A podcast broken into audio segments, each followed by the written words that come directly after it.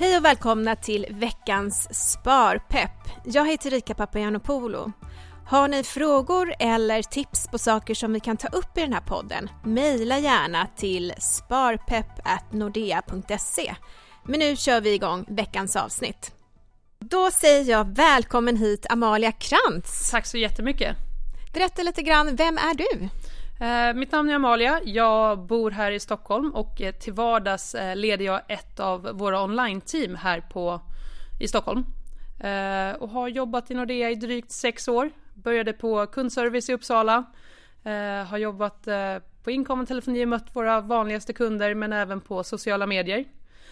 sen har jag varit rådgivare, kontorschef och nu är jag på onlinekontoret här i Stockholm. Och du jobbar med någonting som heter Ekonomipejl. Yes, det är um, det bästa man kan göra om dagarna. Jag är så glad att jag får lägga en del av min dag på Ekonomipejl. Vad är Ekonomipejl?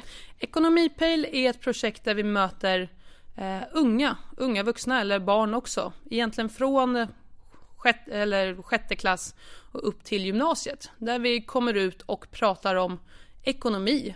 Eh, på alla liksom, på den nivån och försöker fånga dem. Och det här är någonting Nordea har gjort i ungefär tio år, så det är inget nytt projekt som har kommit nyligen, utan det startades för att vi såg liksom att ja, men, det är en nedåtgående trend. Det är allt ifrån skulder till intresse till sparande, liksom att vi behöver prata mer om det här och fånga dem när de är unga. Och det, det drivs idag liksom av, av eldsjälar runt om i Sverige som tar delar av sin vardag för att lägga på det här. Idag får man av banken lägga ungefär 16 timmar per kalenderår på frivilligarbete. Och då kan just de här som vill göra ett av de här projekten eller ett av våra andra många bra projekt faktiskt lägga tid på att gå ut och träffa ungdomar och göra den här ja, samhälls... Ja, det är ju samhällsnytta.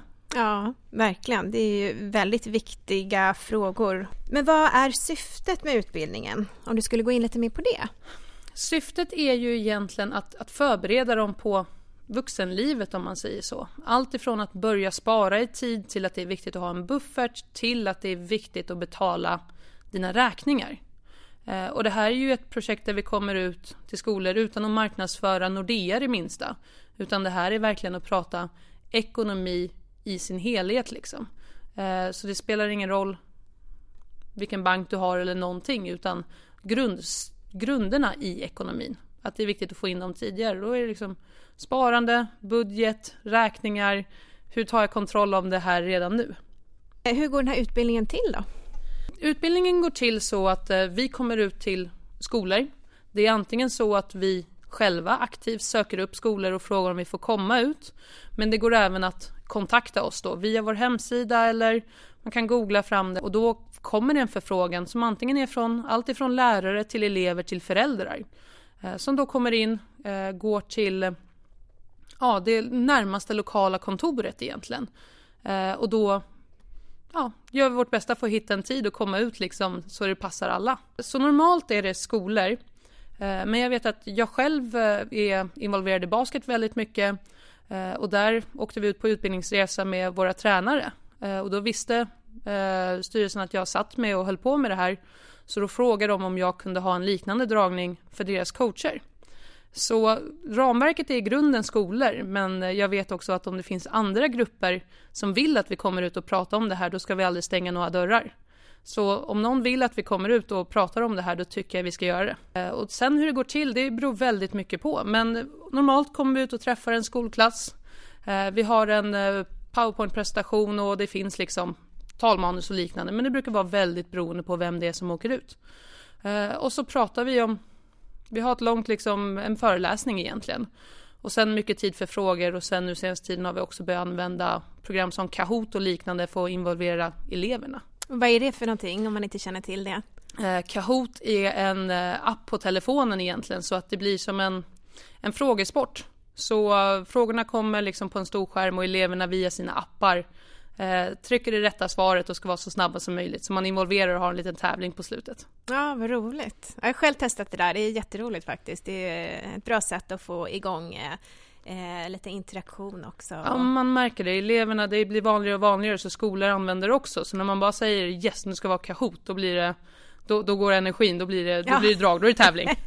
Härligt. Vad kan det vara för frågor som dyker upp från de som ni träffar? Ja, men det är alla möjliga typer av frågor. Allt ifrån liksom, vi pratar mycket om lån. Finns det bra lån? Finns det dåliga lån? Eh, och lån ser ju lite annorlunda ut än vad det kanske gjorde för ganska många år sedan. Eh, man kan inte åka tunnelbana utan att se reklam för någon typ av snabblån eller avbetalning eller liknande. Så liksom, vad är bra att låna till och vad är mindre bra att låna till och vad är direkt dåligt att låna till? Och liksom eleverna får själva gissa, fundera och tänka. Eh, och så liksom reder vi ut lite det att det är helt okej okay att låna pengar men man ska tänka på vad man lånar pengar till. Och i det där kommer ju också, det är ju liksom program som Lyxfällan, de flesta är liksom, kikar ju på det. Och då brukar vi liksom bena ut lite där också, vad, vad hände där? Och då, då fastnar vi ju i det här, ja men de tog ett nytt snabblån för att betala det gamla och så fastnar man i den där karusellen. Så det är ju så att eleverna får ju intryck av de här sakerna men från lite olika håll. Allt ifrån reklam, så att det är inte kanske så lätt att veta idag vad är rätt och vad är fel. Och det är ju så att från och med 18, det behöver inte vara av lån men även av räkningarna, eh, så kan de liksom bli skuldsatta. Och det är så ungefär 35 000 unga mellan 18 och 25 är idag skuldsatta. Och det är en väldigt tuff start på livet att börja där. Den här frågan om sparande, kommer den upp någon gång? Det, det, är svårt att prata sparande för en grupp som kanske inte alla vill vara där. För normalt när man kommer ut och pratar sparande så kanske man kommer till en grupp där alla är där självmant om man säger så, är genuint intresserade. Här ska du träffa en skolklass där vissa är dittvingade. Så man måste ju liksom fånga det här på en nivå som passar dem. Eh, en av de tidigaste reaktionerna jag fick när jag gick ut och höll detta var från en lärare som sa tack så jättemycket för att du inte pratade om pension. Ja, det kan ju eh. vara lite fel målgrupp just. Ja, men han sa det att liksom, det har varit eh, folk ute förut. Och då har de stått och pratat om privat pensionssparande i en timme. Och eleverna höll sig inte vakna. Så det viktiga här är ju att försöka fånga hela gruppen på ett så bra sätt som möjligt. Och det är allting liksom. De som inte är intresserade, hur får man dem att bli intresserade? Och det är väl snarare ofta liksom hitta liksom, vad, vad tjänar eleverna på det här sparandet? Hitta någonting de vill ha, för någon vill, man vill ju alltid ha någonting. Och det kan vara allt ifrån en iPhone till liksom ett tv-spel, eller de vill åka på en resa eller köpa en moppe. Eh, och då liksom, okej, okay, vi har ett mål. När ska vi ha det här? Vi har en tid. Hur mycket ska vi spara? Hur mycket kan vi spara? Eh, så man kan ju prata väldigt mycket, men jag tror man måste göra det verkligt för dem där och då. Okej, när ska du köpa det här? Hur mycket behöver du spara? Hur mycket kan du spara? Och liksom hur, hur kan du få de här, när kan du få det här målet?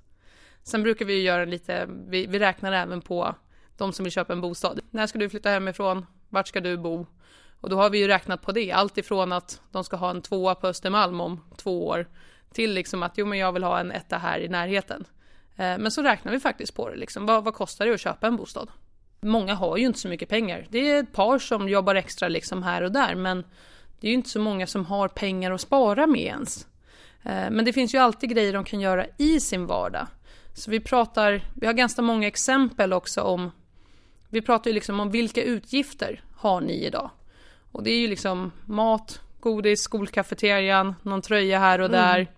Mm. Men liksom okej, okay, om vi har de sakerna att jobba med, vad kan vi göra skillnad där? Du har ekonomiska val du gör varje dag och där kan du faktiskt göra skillnad.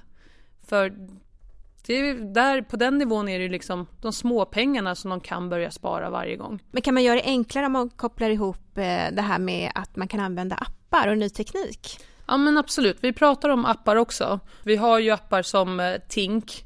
Eh, det finns hur många appar, det kommer upp nya appar hela tiden.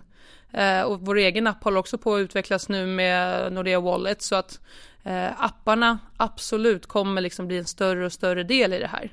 Och det finns ju olika appar som drar en summa varje gång liksom. Men jag tror det viktiga är översikten av det. Och det pratar jag väldigt mycket om, liksom. en budget eller vad du nu vill säga, det finns inga speciella regler.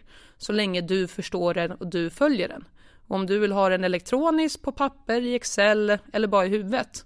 Det spelar inte så stor roll liksom så länge det funkar för dig. Eh, så ja, det finns många appar som fler och fler unga börjar använda. Men vad brukar ni få för respons från ungdomarna? Det är väldigt, väldigt olika. För det är när man kommer ut till en sån här grupp, det är ju skillnad att ställa sig och prata inför elever som faktiskt vill vara där. Så utmaningen är ju att hitta alla i det här och få alla så intresserade som möjligt. Frågorna jag har fått är allt från, eh, vad ska man säga, bitcoins, Apple Pay, men även kan man nästan få höra att det är någon i familjen som har en betalningsanmärkning, hur funkar det? Eh, och jag har till och med haft en kille som har kommit upp efter lektionen och visat sin portfölj och tyckt om jag att den ser bra ut. Oj. Eh, så det är allt mellan himmel och jord. Ja, det förstår jag. Eh, vi brukar faktiskt räkna på vad de kostar i månaden. Och då, det är väldigt kul att slänga ut frågan, men vad tror ni ni kostar i månaden? Och då vill jag att ni räknar med allt. Ni bor, ni äter, ni kläder, liksom allt. Vad tror ni att ni kostar i månaden? Och det är liksom den roligaste stunden att gå runt i klassrummet och faktiskt lyssna. Eh, och sen när de har räknat ihop det, jag tror jag har fått svar mellan 500 spänn och 30 000. Ja. Ja. Eh, så det, det, det är väldigt stor skillnad, men bara där att de faktiskt får räkna på det. Men det finns väl lite riktlinjer ifrån eh, Konsumentverket Ja, men det är ungefär 6 700 kronor det kostar. Eh, så när man levererar den siffran så är det många som får en aha-upplevelse av vad det kostar, men då också faktiskt säga, jämföra det med barnbidraget. Och liksom, vem är det som betalar mellanskillnaden varje månad? Så kommer det ju fram, liksom, oh, men det är ju mamma och pappa. Och gymnasieelever är det här framförallt roligt på, eftersom de ska snart flytta hemifrån. Och de kanske ser att de ska plugga och studiebidraget och lånet är ju någonstans 10 000. De tycker ju liksom 10 000, de kommer ju bli miljonärer på en vecka. Då om du flyttar hemifrån att hyra, kurslitteratur, mat, det är liksom många saker, försäkringar. Många saker som de inte har tänkt på då de faktiskt gör, behöver göra en budget. För 10 000, det räcker, men om du gör det på rätt sätt. Ja, de får en lite realistisk bild av vad saker och ting kostar också. Ja, för det är tyvärr så att ibland saknas den realistiska bilden lite, att man ser liksom, ja men jag kommer gå från 1000 kronor i månaden till 10 000. Det är ju en fantastisk ökning. Men man kanske inte tänker på de ökade utgifterna som också följer. Sen runt universitetet får jag ju många frågor. Eh, elever kanske, ja men bara frågan vad är skillnaden mellan studiebidraget och studielånet? Eh, sånt som jag vet inte, informationen liksom har inte gått fram till alla. Och har de koll på ränta till exempel? Vad det är för någonting? Ja, men ränta har vi, eh, de flesta har koll på det, liksom via matten. Eller liksom procentsatsen och liknande. Men vad det mer praktiskt betyder har inte riktigt alltid sjunkit in. Men vi brukar ta ett exempel, för det är ju ofta så att de är på skolkafeterian och så har kompisen glömt 10 kronor. Och då brukar jag fråga liksom vad de gör och då lånar de såklart ut 10 kronor brukar jag fråga om det är någon som har försökt att absolut, du får låna 10 kronor och sen när vi kommer upp till skåpet vill jag ha 11 kronor tillbaka. Vad säger de då? då? Eh, då de brukar skratta. eh, jag har fortfarande, jag vet inte om någon har gjort det än. Det är ju väldigt direkt liksom vad ränta är för någonting. Eh, och det är väl som allting, sätta in det i ett sammanhang. Ja, men strunt i procentsatsen, ni ska veta vad räntan är.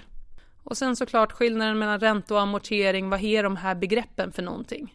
Och vad är skillnaden på att amortera mycket och lite. Och då brukar vi ta exemplen som ja, men de här snabblånen. Okej, de här siffrorna och sen drar man upp liksom den effektiva räntan på 900 procent. Då får man prata lite om effektiv ränta, men begreppet av det, att det ser kanske bra ut här, men det är ganska dyrt. Men jag vet även att ni har haft utbildning för eh, SFI också. Ja, vi var faktiskt ute för eh, några månader sedan nu för då blev vi kontaktade av en SFI-utbildning eh, för nysvenskar som undrade om vi kunde komma ut och prata lite om, om bank och vad vi gör. Och det, det gjorde vi. Eh, som vi kom ut dit och hade en snarlik, vi har en, eh, en annan prestation också för just det här tillfället. För det här är något som verkligen, verkligen efterfrågas. Så vi kom ut där, vi pratade på svenska och engelska och det var en tolk där som översatte till arabiska det var, det var nog helt nytt. Det var så otroligt givande. Vi hamnade i konversationer, mycket frågor som man kanske inte tänker på. Vi hade förberett ett material och sen när vi gick därifrån märkte vi att ja, men det är faktiskt andra frågor eh, som vi tog upp idag. Vad var det för frågor som var annorlunda? Ja men eh, för det här är ju liksom, det är vuxna människor men är nya i Sverige. Eh, så en av de första grejerna vi kom på var ju liksom att i hemlandet kanske pengar försvinner från banken, konton försvinner, liksom att det, det är en annorlunda sak. Insättningsgarantin, den hade vi inte tänkt på att nämna. Men det var ju en jättestor nyhet för dem att pengarna är faktiskt säkra där de är. Eh, men sen såklart alla frågor om varför banken ställer frågor eh, om liksom pengars ursprung och identifikation och allting där. Att faktiskt i lugn och ro få prata om varför. Men sen försäkringar till exempel. Försäkringar är inte alltid någonting man har i alla länder. Och i Sverige liksom ser vi försäkringar som en så självklarhet. Vad är en försäkring? Nej men det var väldigt givande för det gav tillbaka direkt. Vi, vi hade planerat att vara där i en och en halv, två timmar. Jag tror vi stannade i dryga tre. Men om man är förälder då och lyssnar på det här avsnittet och känner att gud, jag har ju dåligt samvete, jag pratar inte med mina barn om det här, men jag borde göra det. Vad har du för tips till dem? Jag tror man ska prata om det, att bjuda in barnen till eh, konversationen. Eh, jag brukar fråga i början av varje föreläsning eh, hur många pratar ekonomi hemma? Och det, det, det, det är väldigt få faktiskt som gör det. Men man kan ju liksom börja väldigt tidigt, alltifrån väldigt små barn som vill ha en ny app på sin padda Mm. den kostar någonting även fast det inte syns. Ta med barnen och handla, men även sätta upp sparmål och liksom se till att barnen kan tjäna pengar och nå de här målen. Men jag tror i grunden, bjud in till konversationen. Få dem intresserade. Det vanligaste är liksom när barn får en räkning. Då ger man den bara rakt av till föräldern. Ja men betala den här. Och det är klart föräldrarna ska hjälpa till att betala den, men man gör det sällan tror jag tillsammans. Det här är ett OCR-nummer, så här betalar du den här, vad händer om vi inte gör den här? Utan man kanske får ett brev, ger det till föräldrarna och så är det löst. Men då kan man ju faktiskt göra processen tillsammans. Men jag tror liksom att hitta what's in it for me. Sätta upp ett tydligt mål. Eh, vad vill jag ha och hur sparar jag till det? Eh, men sen också den tuffa vägen att faktiskt prata om konsekvenserna. Från det att du är 18 så kan du faktiskt åka på en betalningsanmärkning. Och då sitter den där ett tag och kan göra det väldigt tufft för dig. Men när ni kommer ut i skolor och universitet, hur pass insatta är lärarna i det här med ekonomi? Men ekonomi finns ju i läroplanen, så det ska ju läras ut. Jag kan bara reflektera över liksom det jag själv hade i skolan. På hemkunskapen skulle vi prata om det där istället för att göra pannkakor. Det liksom, man var, var inte riktigt mottaglig. Eh, så jag tror att de lärarna jag har varit ute hos, eh, alla har velat att vi kommer tillbaka nästa år. Eh, jag pratade med en av mina gamla lärare så på en skola som jag besökte för tredje gången i rad för några veckor sedan. Men då sa han också det att när det kommer någon extern och pratar om någonting de kan, de går automatiskt in på ett högre förtroendekapital. Att eleverna lyssnar faktiskt mer vaket, för här kommer dels en ny röst, men även någon som kan väldigt mycket i det här ämnet. Så det blir en liten annan sak när informationen kommer utifrån. Varför är det här projektet så viktigt? Men det är enormt viktigt för att vi sitter på en kunskap, vi sitter på ett intresse för ämnet. Och för oss är det lätt att dela med sig av, men man kanske tänker att ja, men, människor överallt har redan koll. Men vi märker hela tiden, människor har inte koll. Det är därför vi har program som Lyxfällan och rubriker i Aftonbladet överallt om att både vuxna men att vi har liksom skuldsatta som inte har koll på sin ekonomi. Och det börjar ju någonstans i skolan redan. Att vi redan där måste få in förståelsen för hur viktigt det här är och hur du kan påverka av det här. Många av de som jobbar på bank som är föräldrar har blivit frågade av lärare om de kan komma ut och prata lite. Det var ju någonstans där det började, att man sprider sin kunskap. Och sen har det växt och växt och nu idag så träffar vi ungefär 17 000 elever om året. I Nordea har vi Sandra Frank som är ansvarig för projektet och ser till att det kommer in förfrågningar, ser till att vi kommer ut och möter så många elever vi kan. Och vi försöker hålla allting uppdaterat liksom med nya bra prestationer. Vi pratar också idag mycket om hållbarhet redan i den här åldern. Hur du investerar hållbart och det arbetet som finns. Så hela ämnet är viktigare och viktigare. Och vi märker också från lärare, elever, föräldrar att det är så himla uppskattat. Eh, så det här är någonting vi måste fortsätta med och också nå ut med att vi gör. Eh, för när vi kommer ut till en skola då, då är det ofta den här ah, varför visste jag inte att det här fanns? Så vi måste fortsätta både marknadsföra det men också träffa fler och fler elever för att förbereda dem framåt. Det låter jättebra. Om man vill läsa mer om det här, hittar man information någonstans? Ja, nordea.se ekonomipejl. Eh, och där hittar man allting om projektet men även hur man kan eh, kontakta oss. Eh, så, så kontaktar vi dig. Tack snälla Amalia Krantz för att du kom hit idag. Tack så jättemycket för att jag fick vara med. Det var veckans avsnitt. Och som sagt, har ni några frågor och tips på ämnen som vi kan ta upp här i podden så mejla gärna till sparpepp.nordea.se. Och jag hoppas att vi hörs igen nästa vecka. Hej då!